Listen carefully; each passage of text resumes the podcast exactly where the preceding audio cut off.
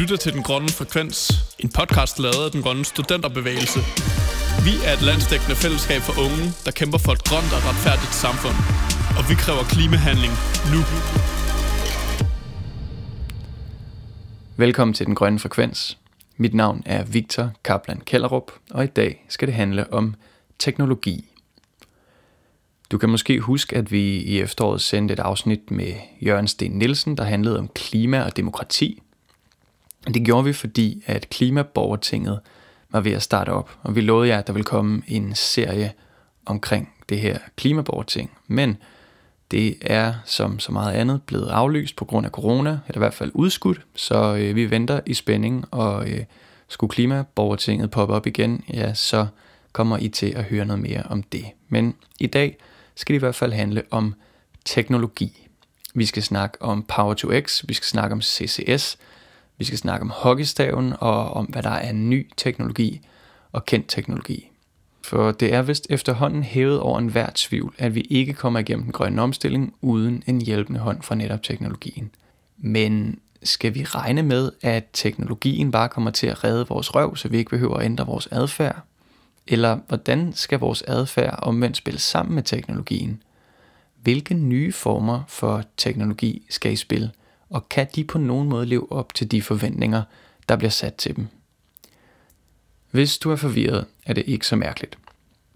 Det er svært at finde hoved og hale i CO2-besparelser og teknologisk potentiale, og derfor vil vi gerne prøve at give dig en gennemgang, som er noget mere grundig, og hvor du forhåbentlig på den anden side af den her time kommer til at sige, ah, nu forstår jeg.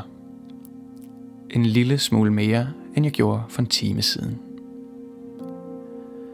Og for at give dig den oplevelse, så har Anna og jeg fået hjælp af vores to gæster, Brian Vad Mathisen, hvor ny teknologi spiller sammen med den adfærd, vi har, fordi vi får nogle løsninger, som intuitivt giver mening, ikke bare for os frelste mennesker her, men for alle.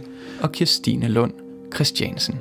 Så det er ligesom en måde at ja, skubbe CO2-reduktionerne foran sig, i håbet om, at øh, der kommer en god løsning øh, om et par år. Brian er professor i vedvarende energi og energiplanlægning ved Aalborg Universitet. Han har længe arbejdet med grøn omstilling og hvordan vores adfærd skal spille sammen med vores teknologi. Så var han en af de første til at sætte Power to X-teknologien på dagsordenen, og har desuden haft en vigtig stemme i debatten omkring Baltic Pipe.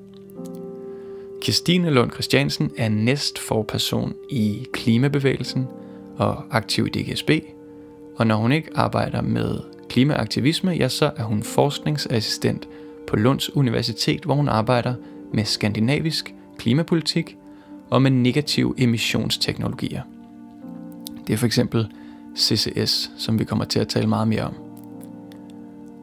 Tilbage i november interviewede vi altså først Brian og siden Kirstine. Men hvis du skulle få den oplevelse, at de to sidder og deltager i den samme samtale, så er det dels fordi vi stillede dem de samme spørgsmål, og dels fordi klippearbejdet efterfølgende er rasende elegant udført. Men inden vi tager hul på de her interviews, så er der brug for lidt mere kontekst for, hvor meget skal vi egentlig bespare, og hvordan har vi overhovedet fundet frem til det tal. I december 2018, der blev klimaloven vedtaget i Danmark. Og det er jo den lov, der fortæller, at vi frem mod 2030 skal reducere 70% af vores CO2-udledninger, og det er altså målt fra 1990, som er det standardår, som FN arbejder med. I DGSB var der både en masse begejstring for, at den her klimalov var kommet igennem. Der var mange fra den grønne studenterbevægelse, der havde siddet og arbejdet med selve forslaget til, hvordan klimaloven kom til at se ud. Men der var også den her blandede fornemmelse, fordi at øh, klimaloven jo ikke fortæller noget om, hvordan vi skal nå dertil. Så alle var spændte på, hvordan det må komme til at se ud. I september sidste år udkom så klimaprogrammet, som svarer på netop det spørgsmål. Hvordan kommer vi i mål med de 70 procent? Så lad os lige kigge på, hvor langt vi egentlig er kommet allerede. Jo, tilbage i 1990, der udledte vi 77 millioner tons CO2. Og når vi skal bespare 70% af det, ja, så svarer det til, at vi skal bespare 54 millioner tons. I 2018 havde vi allerede barberet de første 22 millioner tons af. Det vil altså sige, at der var en rest tilbage på 32. Så så langt, så godt. Det, der bare er udfordrende, er, at vi har brugt 28 år på at reducere de første 22 millioner tons, og så har vi cirka 10 år tilbage til at reducere de næste 32 millioner tons. Så man behøver ikke være energiingeniør for at regne ud, at vi har en lille smule travlt. Derfor skal alt i spil. På alle sektorer, på alle måder skal vi prøve at bespare lige nu, og det er det klimaprogrammet prøver at, øh, at give forsøg på at gøre. Vi skal have gang i mere af det, vi kender, og vi skal også have gang i noget nyt. Det er det, som klimaprogrammet skældner imellem i det kendte, som de kalder implementeringssporet, som handler om, hvordan ruller vi noget mere ud af det, vi kender, og så udviklingssporet, hvordan kommer der noget nyt, og især noget ny teknologi på banen. Men ud af de her 32 millioner ton, som der altså er tilbage at bespare, der mener man, at der er noget af det, der vil komme af sig selv. Altså at teknologien simpelthen bare udvikler sig af sig selv, eller på baggrund af nogle ældre politiske beslutninger. Og det vil altså sige, at de 32 lige pludselig er blevet til 21 millioner tons. Man siger jo, at vi skal reducere fra i dag med 30 millioner tons. Men så er der jo nogen, der gerne vil måle øh, reduktionen i forhold til de ting, der vil ske af sig selv, så at sige. Og derfor så er der også nogen, der taler om, at det er 20 millioner tons, vi skal ud og finde. Og det er jo det, politikerne taler om derinde. Ja. Og det er i virkeligheden noget af det, som jeg synes, der skaber en... Det, det laver misrygt i den måde, vi debatterer tingene på, fordi man så kan komme ud og sige, at sådan noget som klimaprogrammet for eksempel, øh, og, og de ting, som langt hovedparten af Folketinget har været med til at, at vedtage, debatter ikke ret meget. Øh, jo, det gør det, fordi det er en del af de 30 millioner tons, vi skal reducere, som jo ikke kommer automatisk, selvom at der er nogen, der siger, det gør. Men det reducerer ikke særlig meget af de der 20 millioner tons, som, som er det, der står på bundlinjen i de politiske forlig. Så det er altså enten 32 millioner tons eller 21 millioner tons, alt efter hvordan man kigger på det. Men i klimaprogrammet, hvis det er det, man læser, ja, så kigger man altså sådan på det, at de her cirka 11 millioner tons, de vil forsvinde af sig selv, og så er man nede på 21 millioner tons. De fem er allerede fundet. Det er aftaler, som vores nuværende regering har lagt, og det vil sige, at vi går fra de 21 og ned til 16,5 millioner tons. Det er det, der står tilbage på bundlinjen. Det er de 16,5 millioner, der ikke er udviklet løsninger på, og det er dem, som klimaprogrammet forsøger at give et svar på, hvordan vi kan reducere. Og da vi spørger vores gæster, hvilke nye teknologier, der skal i spil, så siger de sådan her.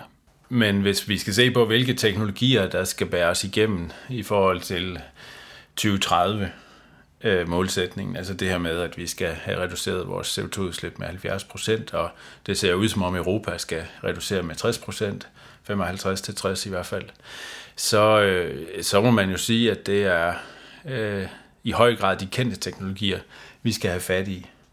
Og øh, de kendte teknologier øh, indeholder også nogle dele, som jeg tror, nogen vil sige er nye teknologier. Måske skal man lige starte med at sige, at øh, det her, den her snak om nye teknologier, den er måske lidt forfejlet til at starte med. Øhm, for i virkeligheden er der ikke som sådan tale om nye teknologier. Der er tale om, øh, måske kan man sige, at der er tale om en ny måde at bruge nogle øh, gamle teknologier på. Eller i hvert fald, øh, at der er kommet en, øh, en ny efterspørgsel på, at, øh, at vi kigger mere ind i nogle bestemte teknikker, som vi egentlig godt har vidst i relativt lang tid, at vi kan. Så det lader altså til, at de nye teknologier måske ikke er så nye igen. Eller det er i hvert fald svært helt sort-hvidt at afgøre, hvad det er, der er kendt, og hvad det er, der er ny teknologi. Men der er i hvert fald nogle kendte teknologier, som er lige til at tage fat i. Der, hvor, hvor, hvor vi kan se, altså vi har jo lavet i, i noget, der hedder IDAs klimasvar, en vision for 2030, og det vi kan se, det er, at vi skal investere voldsomt mange penge. Øh, det skulle vi sådan set uanset, øh, om vi havde en målsætning eller ej, fordi det er jo sådan, vores samfund er indrettet. Vi bruger omkring 160 milliarder kroner, jeg ved ikke, om jeg overhovedet kan forestille jer, hvad, hvor mange penge det er, men det er det, vi bruger på vores el, varme, industri, transportsystem om året. Og det skal vi så lave om, sådan at vi bruger det på en måde, der er mere grøn, end det vi gør nu. Øh, for på det perspektiv, så man sige, det, er, det svarer til omkring øh, 12 procent af statsbudgettet. Det er sådan i omegnen af det. Og det vi kan se, det er, at vi skal sådan set investere rigtig mange penge, omkring øh, altså over 5, 500 milliarder kroner. Og øh, der har vi sådan lavet sådan en, en top 20 liste over, hvad det er, vi skal. Og noget af det, der er på toppen, det er sådan set at, at få isoleret vores boligmasse.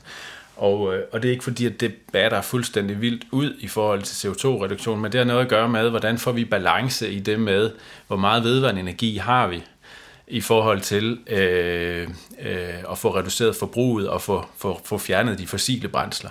Man er nødt til at tænke på de her balancer, der er imellem forbruget og produktionen. Og hvis vi skal have øh, en... Altså jeg, jeg går jo meget ind for, at vi har en omkostningseffektiv, eller med, med andre ord, en, den billigst mulige omstilling. Øh, fordi øh, øh, vi skal jo have alle med. Men boligisolering, det er altså rigtig vigtigt. Så skal vi have, have sørget for, at vi skal have øh, hvad hedder det, skiftet varmeforsyningen ud, og hvis man har en nabo, øh, så skal man have fjernvarme. Det vil sige, der hvor der er naturgas i dag, der har man typisk en nabo, så skal vi have noget fjernvarme ud og rulle der. Og det skal vi også, selvom der er biomasse i den fjernvarme, øh, eller selvom der er kul i den fjernvarme, fordi det er en infrastruktur, som gør, at det er nemmere at omstille os øh, samlet set som samfund. Og fjernvarme, det er jo det her, hvor man tager overskudsenergien fra forbrændingsanlæggerne, og bruger den til at opvarme vand, som så løber ud igennem rør til de forskellige husstandes varme haner. Og det er klart, at det er en teknologi, som fungerer bedst på kort afstand, hvor vandet ikke har så langt at løbe, så det kan holde sig varmt. Når Brian siger, at der gerne må være både biomasse og kul i den fjernvarme, så er det fordi, at det er en god infrastruktur, som allerede ligger der, og som vi ikke skal til at lave om på nu. Man kan jo så med tiden udskifte energikilden med en grønnere slags. Der, hvor man ikke har en nabo, der bør vi have en individuel varmepumpe, og det skal helst være en, der er så effektiv som muligt. Så snakker man om sådan en jordvarmeanlæg for eksempel. Ikke? En elektrisk varmepumpe kan betragtes som en omvendt aircondition, hvor aircondition køler dit hus ved samtidig at varme omgivelserne omkring dit hus, så gør varmepumpen det modsatte, altså den varmer dit hus ved at nedkøle omgivelserne omkring dit hus. Man kan enten benytte varmen fra luften eller fra jorden. Det er det, han kalder et jordvarmeanlæg. Denne metode er langt mere effektiv end en almindelig elektrisk radiator, som skal opvarme huset ved egen kraft, i stedet for at kunne trække på den energi, der ligger omkring huset. Så skal vi have elektrificeret industrien.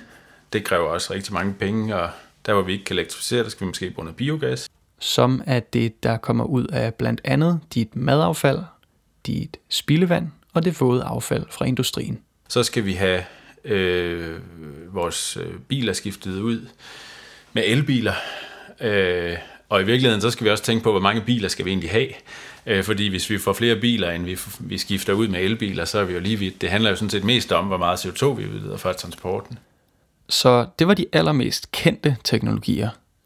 Dem, der allerede er i produktion i stor skala, og hvor vi nu bare venter på, at vi skal have noget mere af det – men der er også visse teknologier, som ikke findes i stor skala endnu, og hvor de har brug for mere udvikling. Og så er der så det, der hedder den tunge transport, og det er jo sådan lastbiler, skib og fly. Og det er der, vi skal bruge det, som vi kalder electrofuels eller power to x. Og hvad er så power to x for noget?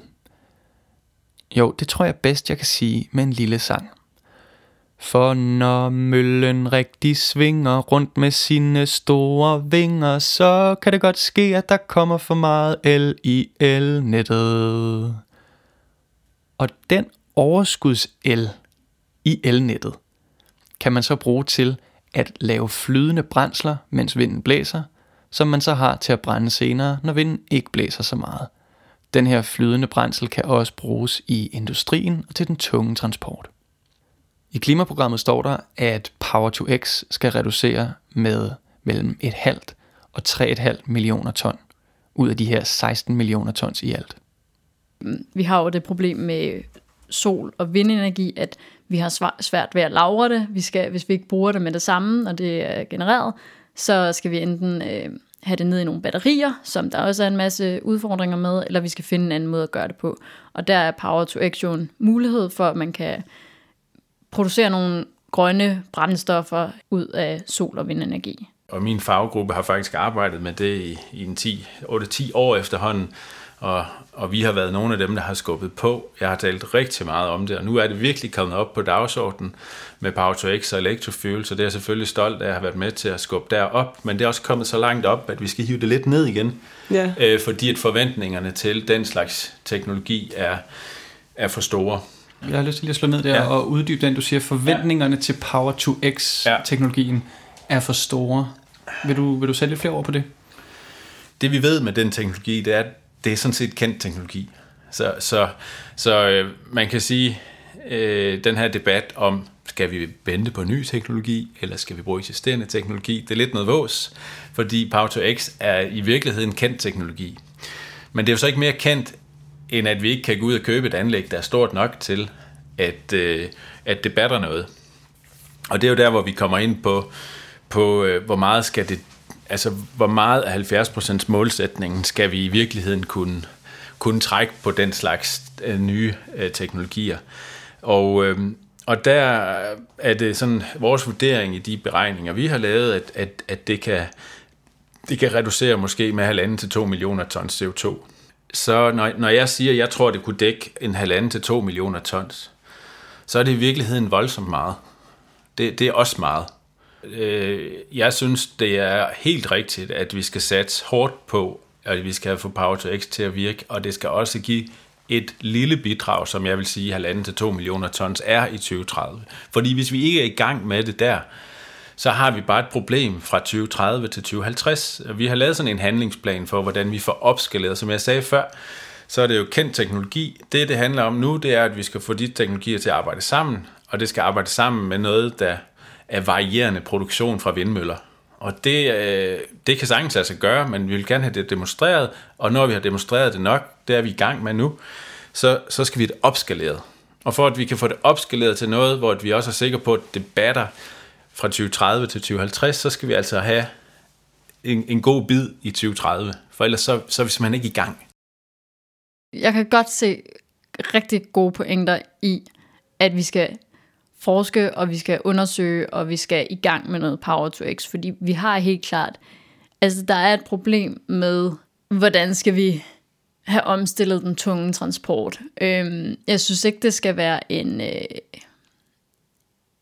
en undskyldning for, at vi ikke også skal have en diskussion af, hvor meget tung transport skal vi egentlig have.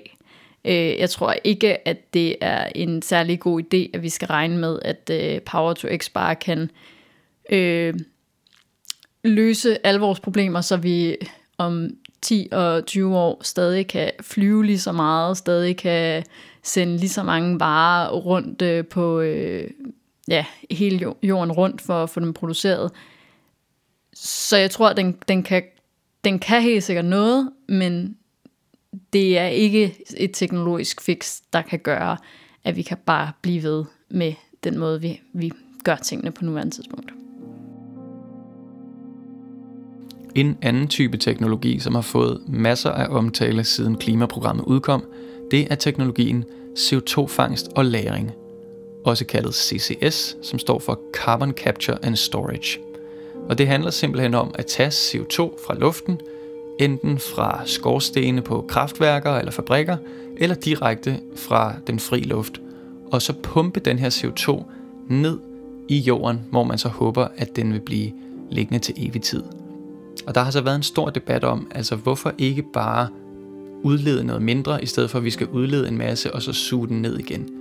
Men til det er der at sige, at der er visse processer, som vi i dag bruger i industrien, som er meget, meget svære at komme af med. Det vil sige, der vil være visse CO2-udledende kilder, som vi næsten med sikkerhed ikke kommer til at kunne skille os af med lige nu. Og derfor begynder der efterhånden at være en vis enighed om, at CO2-fangst skal spille en vis rolle.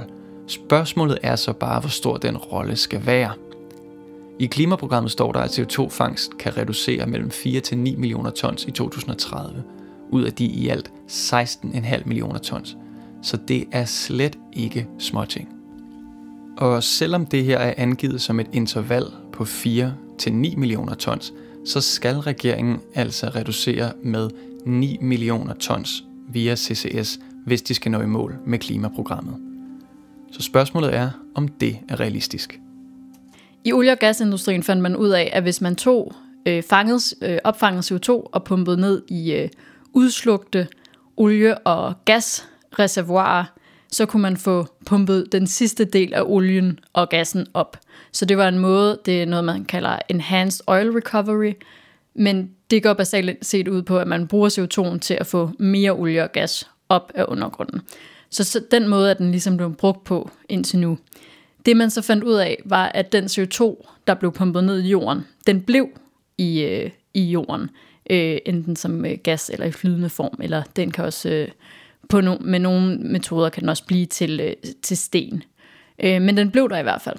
Øh, og det har man så øh, tænkt videre over, og tænkt, at når man, nu når vi så har et problem med, at vi har for meget CO2 i atmosfæren, så er det jo en metode, hvorpå vi kan sige, hvis vi kan fjerne den CO2 fra atmosfæren, for eksempel ved at vi gror nogle energiafgrøder eller biomasse på anden vis, som vi så brænder af i øh, de her store øh, biogasanlæg, så kan vi fange den CO2, pumpe den ned i jorden, og så har vi faktisk øh, fjernet CO2 fra atmosfæren, øh, som så nu ikke bidrager til øh, klimaforandringerne. Øh, så ja. en teknologi, der blev skabt til at hive mere olie op af jorden, så vi kunne brænde og skabe CO2 i atmosfæren, skal nu bruges til at, øh, at fjerne den selv samme CO2. Ja, man fandt i hvert fald ud af, at øh, det var en mere positiv måde at bruge teknologien på, kan man sige. Ja. Det lyder jo mega godt. Men hvorfor er det så, at den teknologi ikke er over det hele i dag? Hvorfor bruger vi den ikke i stor stil? Det er fordi, at øh, den er dyr, og det er fordi, at det er næsten gratis på nuværende tidspunkt at pumpe CO2 ud af atmosfæren. På nuværende tidspunkt betaler man simpelthen ikke særlig meget for at få lov at sende CO2 ud af atmosfæren. Derimod, hvis du skal som firma øh, påtage dig den øh, udgift, lave den investering og, øh, og sætte den her øh, CO2-fangstteknologi på dit anlæg, vil du have en masse, øh, selvfølgelig vil du have en masse udgifter ved det, og øh, det kan ikke rigtig betale sig i dag. Derudover så er der også øh, nogle forskellige, øh, hvad skal man sige, lovgivningsmæssige udfordringer, som man er ved at få, øh, få gjort noget ved. Altså for eksempel sådan noget med, at øh, hvordan må man transportere den CO2 fra øh, det sted, hvor den er fanget, til det sted, hvor den skal pumpes ned. Der er, der er også stadig nogle udfordringer der. Men jeg vil sige, at den primære årsag til, at man nok ikke har det, det er øh, pris, og det, at øh, der simpelthen ikke er nogen incitamenter til at gøre det. Øhm, så hvis vi antager, ja. at, øh, at incitamenterne kommer på grund af politiske beslutninger, og prisen også øh, kommer til at falde på et tidspunkt, er det så en, en holdbar teknologi, eller er der, er der uvidshed om, hvor lang tid den her CO2 overhovedet vil kunne ligge ned i undergrunden? Er det, vil, vi, vil vi kunne stole på, at det vi øh, placerer i jorden, at det bliver liggende der? Mm. Øhm, det er et godt spørgsmål. Jeg vil sige, og det er jo også, det er jo fortsat noget, vi ikke har så stor erfaring med.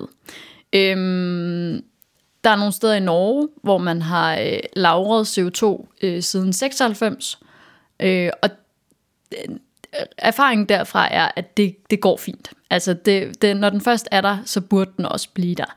Øh, man kan selvfølgelig have øh, uheld, den slags kan ske, men i princippet burde det ikke være den store udfordring.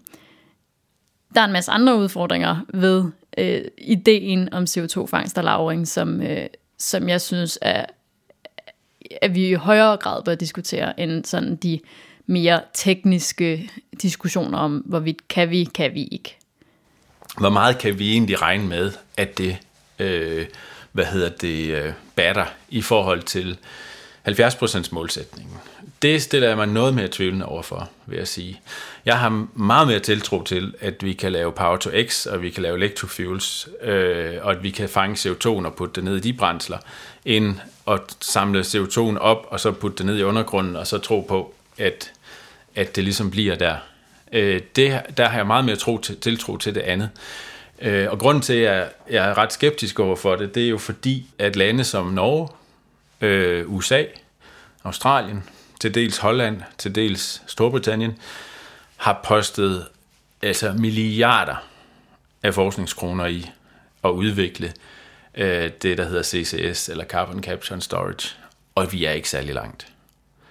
Og det er der, hvor jeg siger, at jeg er lidt nervøs for, hvor meget man satser på den teknologi, og jeg er i virkeligheden mere nervøs for at satse for meget på CCS, end jeg er at satse for meget på Power to X.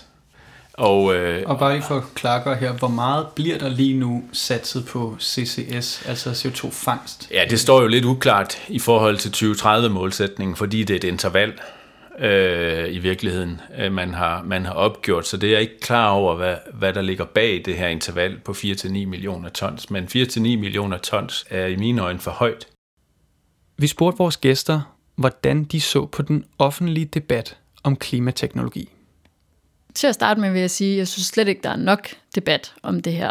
Jeg synes, det er et, øh, et område, de her idéer om de nye teknologier, det, det bliver ikke rigtig diskuteret, der bliver ikke rigtig sat spørgsmålstegn, synes jeg i hvert fald, ved, hvad kan de her teknologier, hvad kan de her teknologier ikke. Altså der er nogle forskere rundt omkring, der øh, helt klart forsøger at råbe øh, lidt vagt i gevær og pege på nogle af de udfordringer, der er, men sådan hvis du kigger i den gængse, gængse presse, øh, de gængse medier, så synes jeg ikke, der er nogen diskussion af det. Men det, kan man kan sige om det, er, at vi har jo øh, Socialdemokratiet, regeringen, der har øh, fremlagt et øh, klimaprogram, hvor de skulle vise vejen til de 70 procent, og den vej var i høj grad baseret på en idé om, at vi kan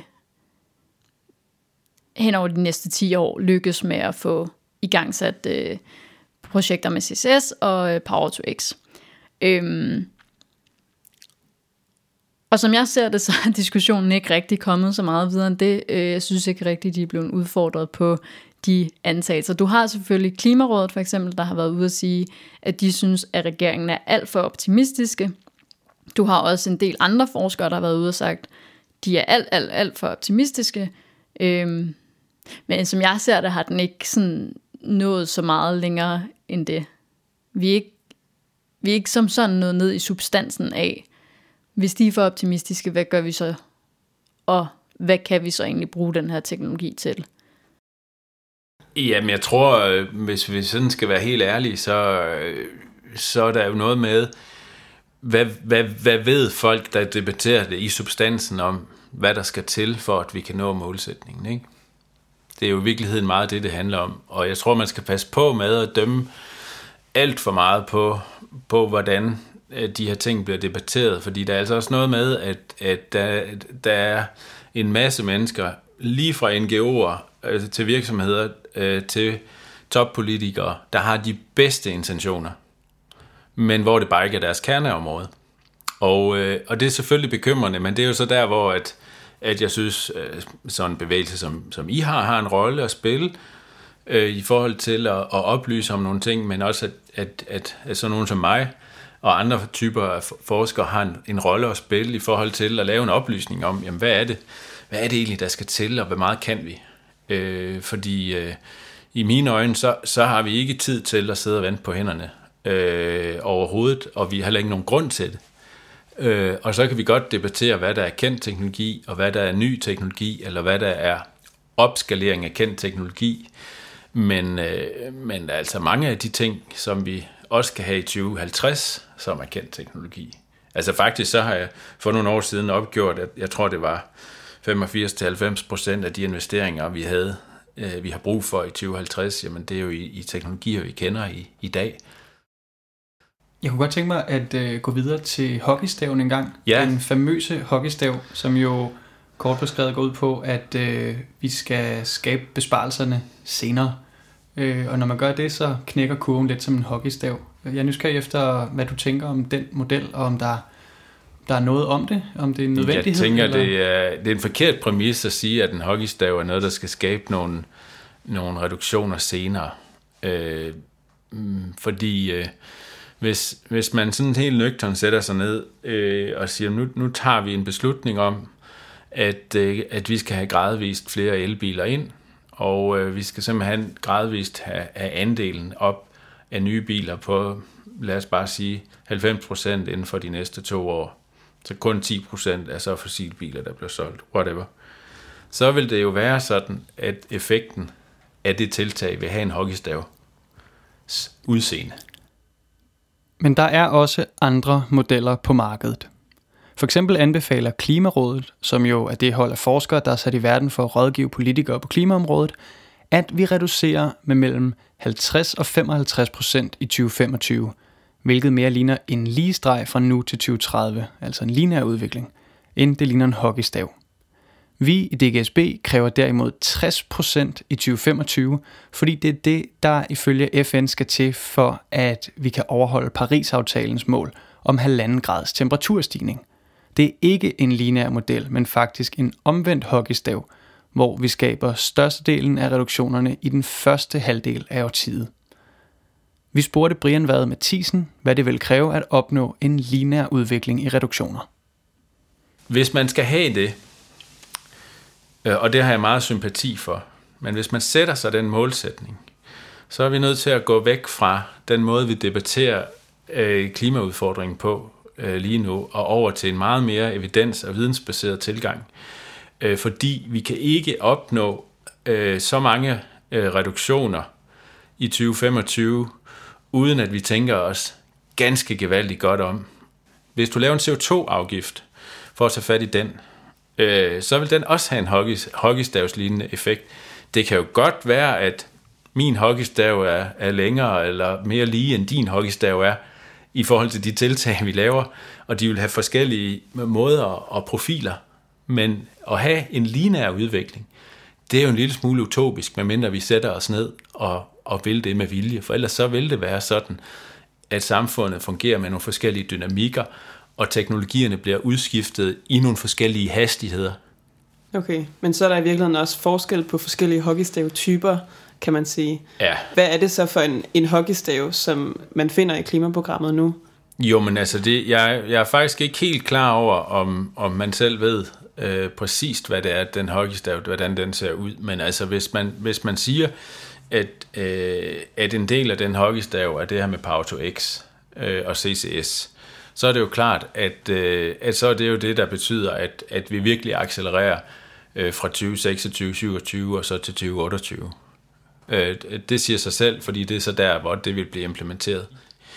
Der, hvor det går galt, det er selvfølgelig det, hvor vi talte, det som vi talte om før. Hvor meget tør vi at satse på det her? Og det er så der, hvor jeg siger, vi skal faktisk sætte en hel del. Jeg mener, halvanden til 2 millioner tons, det er faktisk en hel del at satse på det. Og jeg stiller mig skeptisk over for det her med, med øh, carbon øh, capture and storage, altså CCS-delen. Ja, de er jo alt, alt, alt for optimistiske. Altså, de, de siger 4-9 megaton CO2 skal fjernes med øh, carbon capture storage. Oven i det vil de have, er det mellem 0 til 5, eller 0,5 og 3,5 megaton yderligere, der skal fjernes med Power to X. Så det er jo langt over halvdelen af de resterende emissioner, øh, vi skal i mål med inden 2030, som de forventer skal løses med de her to teknologier, som i dag stadig er på et plan. Altså vi har jo ikke, vi har de her teknologier teoretisk set, men vi har dem jo ikke reelt. Vi er, og det kommer til at tage noget tid at få dem op at stå, i hvert fald på det niveau. Øh, med for eksempel øh, CO2-fangst og lavring, de siger, regeringen siger mellem 4 til 9. Klimarådet sagde, den her teknologi kommer max, max, max til at kunne levere 4,5. Altså det meget lave estimat. Og problemet er, at regeringen fremlægger ikke en plan B. Så de, de, hvis deres klimaprogram skal holde, hvis de skal komme i mål med de 70%, så skal CO2-fangst og lagring 9 megaton. Altså det maksimale, de tør estimere. Og det er allerede så langt fra, hvad alle eksperter siger er muligt. Så jo, jeg synes, de er ekstremt, ekstremt optimistiske. Altså skræmmende optimistiske. Du siger, at de har ikke en plan B, og det er, mm. øh, tænker jeg også, skræmmende. Har de overhovedet en plan A? er det tydeligt ud fra klimaprogrammet, hvordan vi skal nå til de 9 millioner tons, der er brug for?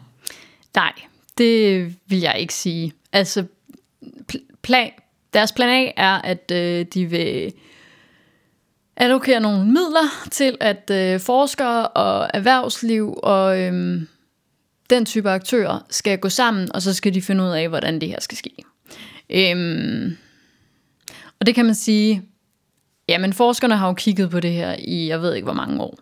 Og der har også været øh, pilotprojekter osv. osv., men vi er bare stadig rigtig, rigtig langt fra, at det her er en løsning, der kan levere i det, i det omfang, øh, der, der skal leveres.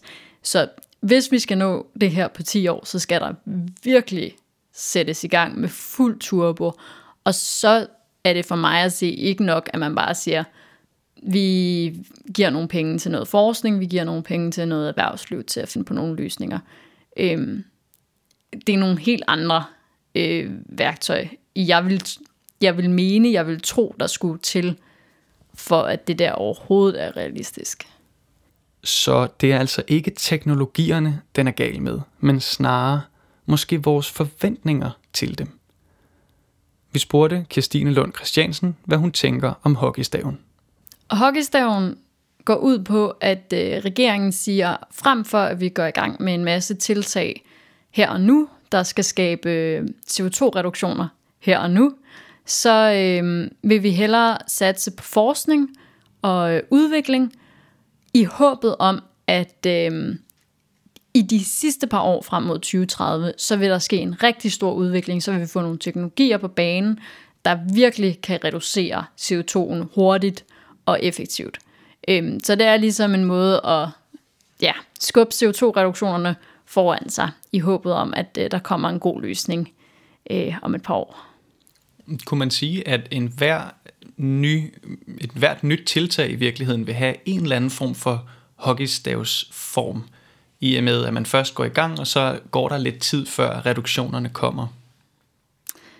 Ja, det vil jeg tænke, at du godt kan sige. Hvis du tager sådan en, en løsning som Power to X, så er det jo klart, at, øh, at man skal i gang, og forhåbentlig lige så snart man er kommet i gang, så bliver det mere og mere øh,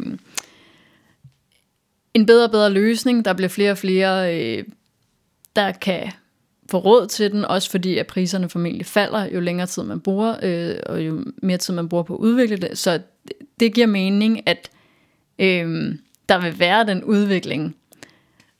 Problemet er, at regeringen bruger den her idé om, at den forventning om, at det vil ske, den bruger de til at afvise, at vi skal gøre nogle ting her og nu, som vi godt kunne gøre. Altså for eksempel havde vi øh, den her elbilskommission, øh, Eldrup-kommissionen, som jo var ude tidligere på efteråret og sige, vi skal virkelig tage i gang med noget omstilling af bilparken, vi skal have mange flere elbiler, vi skal have meget færre, mange færre fossilbiler. Det vil komme til at koste noget, øhm, men vi skal i gang, og vi skulle gerne have været gået i gang for 10 år siden. I stedet for at regeringen siger, ja, lad os gøre det, lad os komme i gang, lad os øhm, gøre som Eldrup-kommissionen siger, og, og så må vi bruge de penge nu, og så få gang i øh, elbilsmarkedet, så siger de, nej, vi vil hellere satse på, at øh, der kommer en løsning om nogle år, som vil være meget billigere for os. Men det er bare ikke godt nok, fordi vi skal i gang med at reducere CO2-udledningen nu.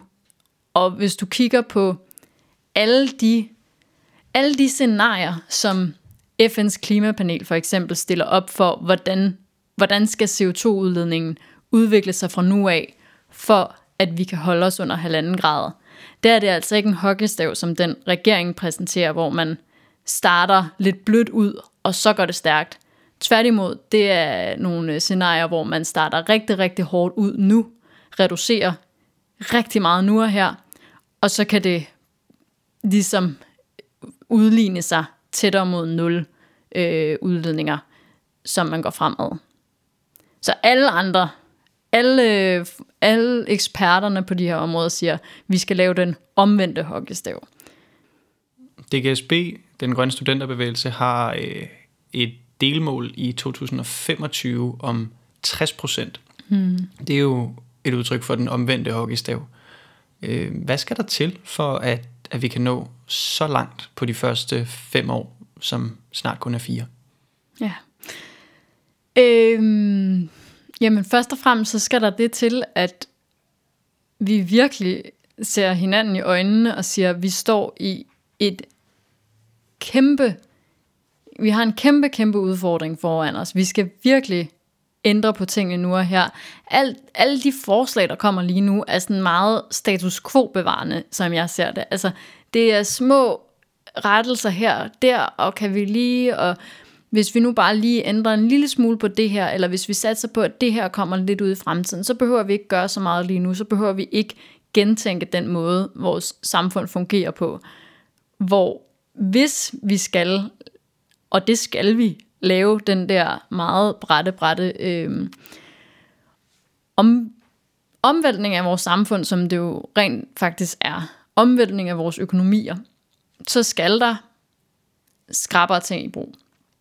Et godt sted at starte, og faktisk et nemt sted at starte, ville være, at man fik sat en ordentlig pris på CO2-udledning. Fordi som jeg sagde til at starte med, så en kæmpe udfordring ved, at alle de her, eller en, en kæmpe grund til, at alle de her øh, teknologier ikke er udviklet på nuværende tidspunkt, er, at det stadig er billigere bare at lukke CO2 ud af atmosfæren.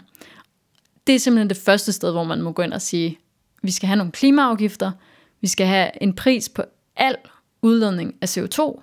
Hvis den bliver sat højt nok, så vil du komme til at se, øh, at alle de her nye teknologier, eller alle de her nye adfærdsændringer, som vi er nødt til at have sat i gang, vil komme i en vis grad af sig selv, fordi at vi fordi det simpelthen bliver for dyrt at sende CO2 ud af atmosfæren. Så det er en start i hvert fald. Og så er der jo en masse ting, vi allerede nu ved, altså elbiler, varmepumper, elektrificering af så meget, som vi overhovedet kan. Og så også er der noget, der hedder, at vi skal ændre på nogle øh, adfærdsting. Vi skal spise mindre kød, og vi skal forbruge mindre i det hele taget. Vi skal være bedre til at genanvende ting.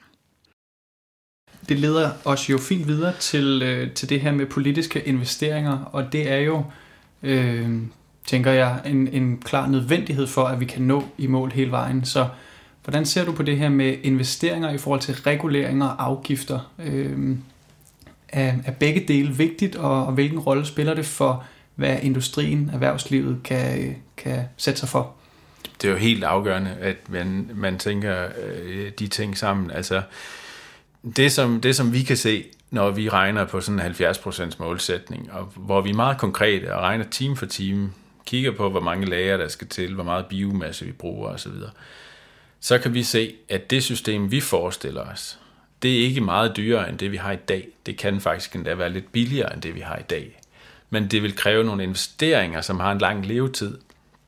Og det vil også betyde, at for eksempel, hvis vi, hvis vi har de mængder på Auto X, som vi siger, jamen, så vil det blive dyrere at, at flyve og dyrere at, at sejle. Måske dyrere at køre i lastbil, men det vil, være, det vil koste det samme at køre i en bil. Men overordnet set, så er det den samme økonomi. Vi bruger mere på investeringer, mindre på brændsler. Så er der så det issue, kan man sige, at øh, et, omkring 120 milliarder kroner af vores statsbudget, det er øh, skatteindtægter på moms, på registreringsafgifter, på skatter på naturgas, på skatter på olie og, øh, og den slags. Og det er måske omegnende 10 procent af de indtægter, der er for staten, som, som, ligger, som, altså, som ligger på nogle af de forbrug, vi har i dag. Og det er jo i virkeligheden der, hvor den politiske udfordring er. Der, hvor det virkelige problem er, det er i forhold til at få omlagt de her øh, skatter, som vi har på noget, der forurener, eller på registreringsafgifter, sådan at vi har en balance i vores statsbudget. Og det er det dilemma, politikerne de står med lige nu. Det er, at det koster meget for statskassen. Det er ikke så meget det her med, at det i sig selv koster meget at drive og investere i det. Giver det mening? Mm-hmm. Ja. ja, så det koster meget, fordi man fjerner afgifter for eksempel på øh, det, man gerne vil have mere af i virkeligheden, Ja. for på den måde at regulere. Der er vel også en problematik i, at hvis man putter øh, flere afgifter på fossil energi, for eksempel, øh, eller klimabelastende industri, at så gør man jo det, fordi man gerne vil have mindre af den. Og så kommer der jo mindre af den, og så får man en mindre indtjening der. Det er jo det. Så bare for lige at vende tilbage til nogle af de Mm. tal, du nævnte. Du siger, hvis vi, hvis vi går all in på afgift, afgiftsfritagelse og på beskatning, altså forureneren betaler, Ja. så, så kommer vi faktisk til at stå og mangle 10 procent.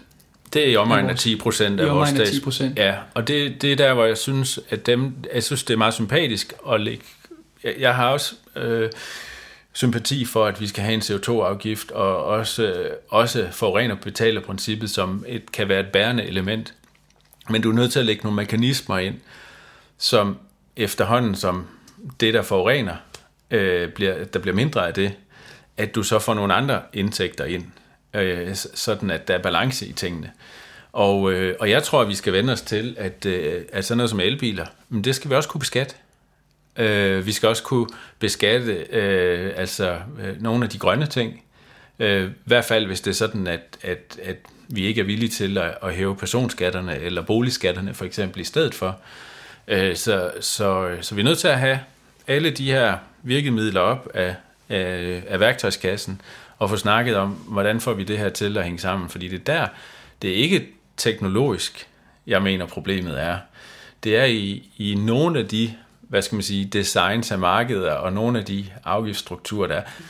Øhm, om det er bare for, nu skal det ikke blive alt for, for, for teknisk nørdet ind i afgiftsområdet, men jeg synes på en eller anden måde, så er det for let købt bare at sige, forurener betaler princippet, og en grøn skattereform handler om CO2-afgifter og afgiftsfritagelser.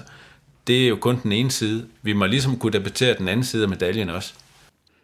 Regeringen øh, fortæller os jo gang på gang, at øh, den grønne omstilling ikke må gå ud over velfærden. Mm.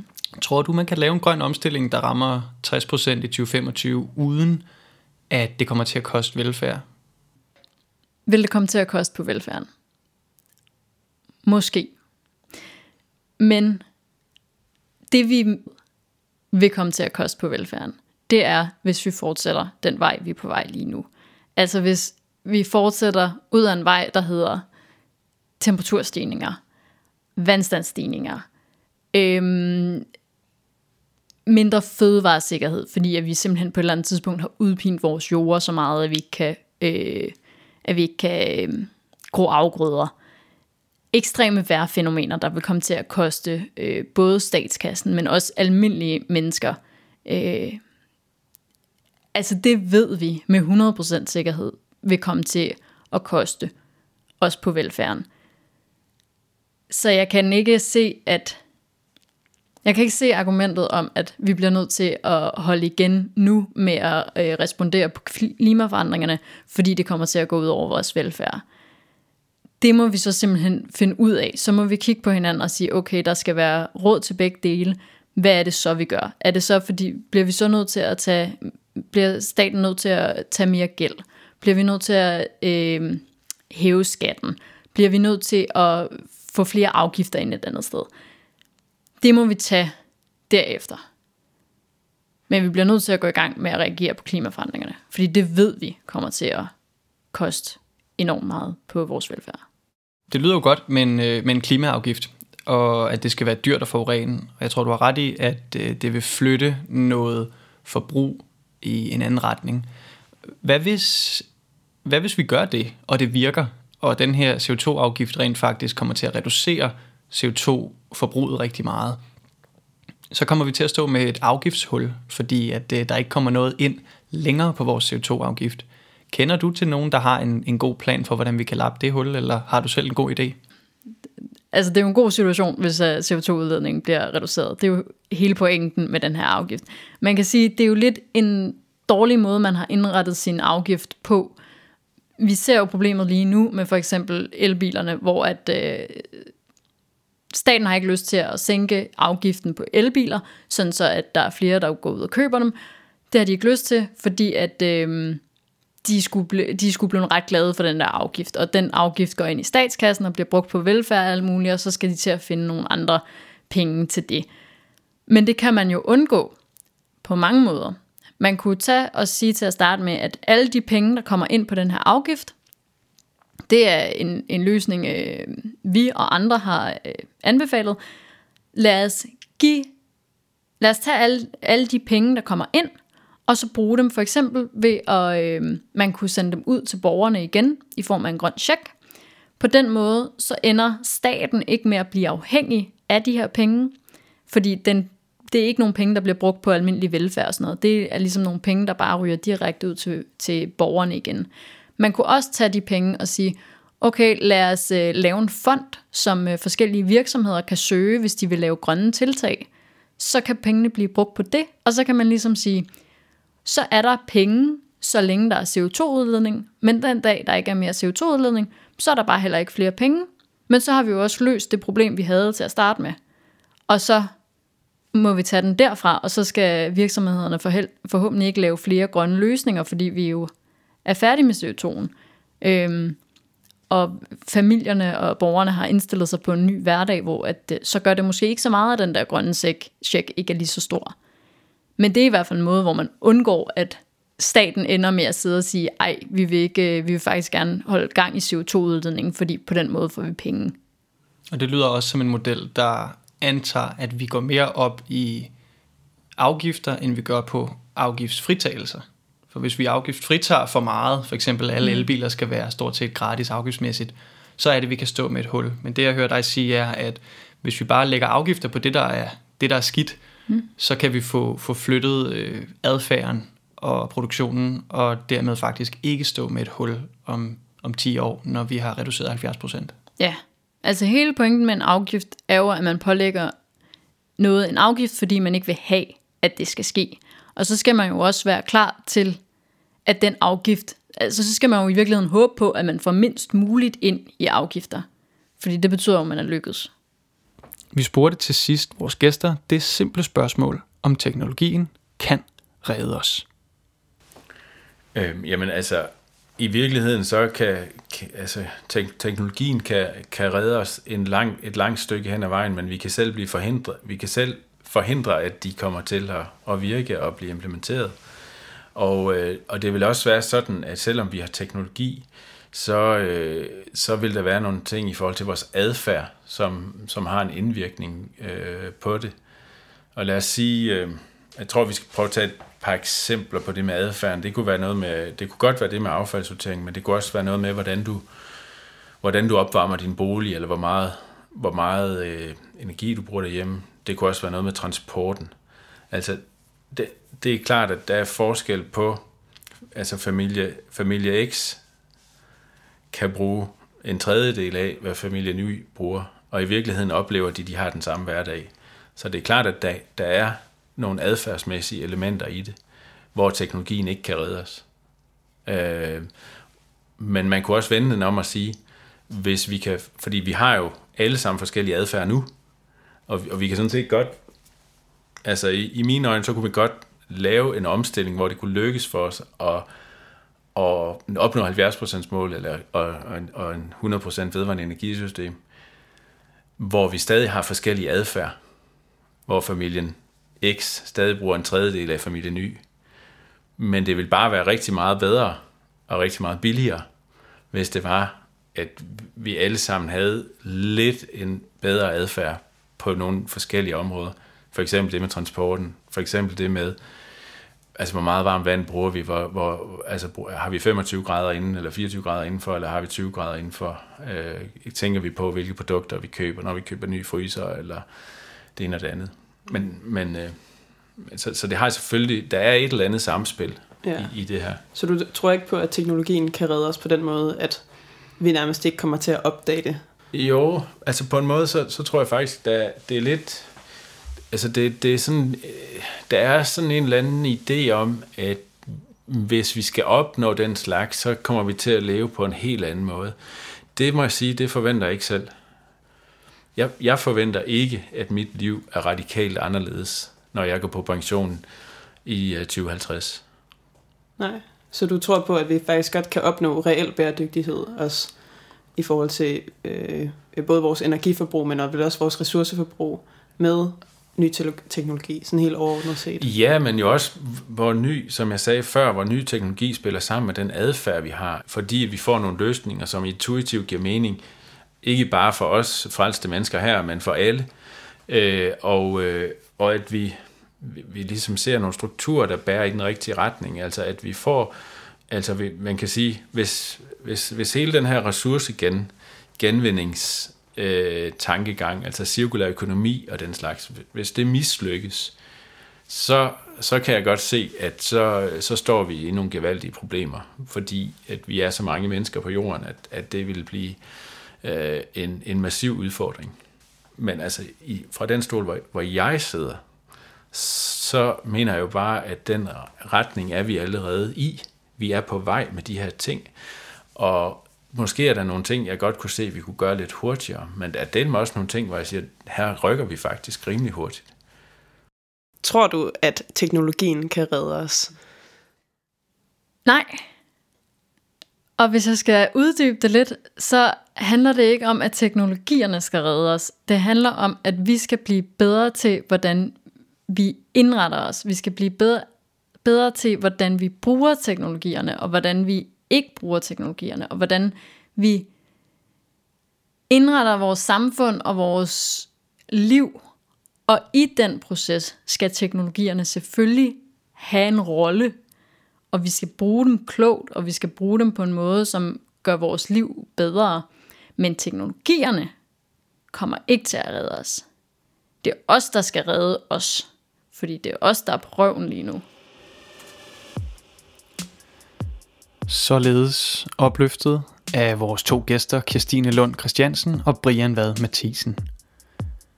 Der kan vist ikke herske nogen tvivl om, at vi har et stort hul, der skal lukkes, og at vi næppe kan sætte vores lid til, at Power2X og CCS skal klare ærterne for os. Vi bliver forsøgt spist af med en forklaring om, at det nok skal gå, men jeg tror inderst inden ikke, der er nogen på Christiansborg, der har en idé om, hvordan vi når i mål med de 70%. Og det er vigtigt at huske, at 70% ikke er målstregen. Vejen til reel bæredygtighed er meget, meget længere. Og jeg vil prøve at give dig et billede af, hvor langt vi egentlig har igen, når de 70% er overstået. For selvom det skulle vise sig, at regeringsplan på mirakuløs vis skulle få os i mål med de 70% inden for tidsrammen, så mangler vi stadig at tage os af alle de indirekte udledninger. Altså dem, vi lige nu slipper for på vores importvarer. Dem, som Bangladesh får lov til at hænge på, når vi køber plastiklegetøj til store og små. Og den dag, vi ser i øjnene, at de udledninger selvfølgelig skal tælles med i vores regnskab, der bliver vejen til 70% lige pludselig meget længere. Men den vej skal vi naturligvis alligevel gå. Og når den så er gået, og vi har reduceret både vores lokale og indirekte udledninger med 70%, så er der stadig langt til målstregen. De sidste 30 er ikke nødvendigvis en mindre opgave end de første 70. Men når de så er klaret, de sidste 30 altså, og vi som land er reelt drivhusgasneutrale, ja, så er der jo opgaven med naturressourcerne. Træ, sten, sand, sjældne jordarter, lithium, olie, korn og kartofler. Planeten kan ikke blive ved med at levere for evigt. Reel bæredygtighed betyder, at alle ressourcer bliver enten genanvendt, eller selv kan vokse op af jorden i rigelige mængder. Der har vi også et stykke vej at gå. Og hvis vi i øvrigt vil leve på en planet med andre arter end vores egen, så er der også brug for, at den vilde natur får lov til at vokse sig stor igen. Der er lang vej, og der er ingen anden vej. 70% målet er kun et delmål. Hvis du bliver modløs ved tanken, så kom og vær med, så du kan bidrage til, at vejen bliver en lille smule kortere. Vi kan altid bruge flere aktive i den grønne studenterbevægelse. Og hvis det ikke lige er os, du tænder på, så kig dig omkring. Der er masser af måder, du kan engagere dig i den grønne omstilling. Hvis du er mere nysgerrig på teknologi og klima, har vi lagt et par links til dig i beskrivelsen af afsnittet. Du kan fx læse grundlaget for, hvorfor DGSB kræver 60% i 2025 i en artikel, som Jens Fris har skrevet for Klimabevægelsen. Du kan læse, hvad Clara Berg Jensen og Mette Susgaard skriver om Power to X på DGSB's egen blog. Og hvis du har lyst til at stille spørgsmål til vores gæster fra afsnittet, så har de sagt, at de er klar i kommentartråden på Twitter. Vi kunne godt stoppe her, men vi synes alligevel, det vil være bedre at sende dig, kære lytter, afsted med et digt. DGSB er nemlig i gang med at skabe en digtsamling med bidrag fra mange forskellige aktive. Den kommer til at hedde Verden Vreden og udkommer i løbet af foråret. Følg med på de sociale medier, hvis du vil med til fanisering og være en af de første til at få et eksemplar. I dag skal vi høre Alberte Skriver oplæse sit digt, som hedder Lyt. God fornøjelse. Lyt til dem, der lever, og dem, der vil leve længere end dig. Lyt til dem, hvis fødder peger ind i fremtidens vandkanter, hvis jord bliver mindre dag for dag, når havene stiger og udstrakte hænder bliver flere. Lyt til dem, der ikke kan andet end at råbe, fordi deres drømmes flossede kanter er begyndt at travle op, og frustrationen ingen anden form kan tage. Den antropocene æra er ved at sluge al morale, men vi beder dig om at stå imod og overveje, hvorvidt finansieringen af endnu et industrielt eventyr nogensinde kan retfærdiggøre det tab af medmenneskelighed, dine manglende handlinger vil medføre. For uden menneskeligheden er vi bare tomme hylstre, der går ind i hinanden uden retningssans og aldrig finder en hånd at holde, aldrig frydes ved synet af de sølvgrå fugle og aldrig føler skam ved at bryde løfter. Vi er her for at minde dig om, at du er et menneske, Dan, for du har løfter at overholde, og vi har kun skam til overs for de ministre, der forvandler sig til apatiske menneskelignende skabninger og bakker ud over scenekanten. Vi er her for at klappe af medmenneskeligheden, ikke for at gribe resterne af amoralske løftebrud og værdiløs symbollovgivning. Vi ved, du ved, vi er her. Du ved, vi ved, du er der. Det er mennesker, der ser på hinanden. Det er den folkevalgte, der ser folket i øjnene. Det er den folkevalgte, der ser frygten i øjnene.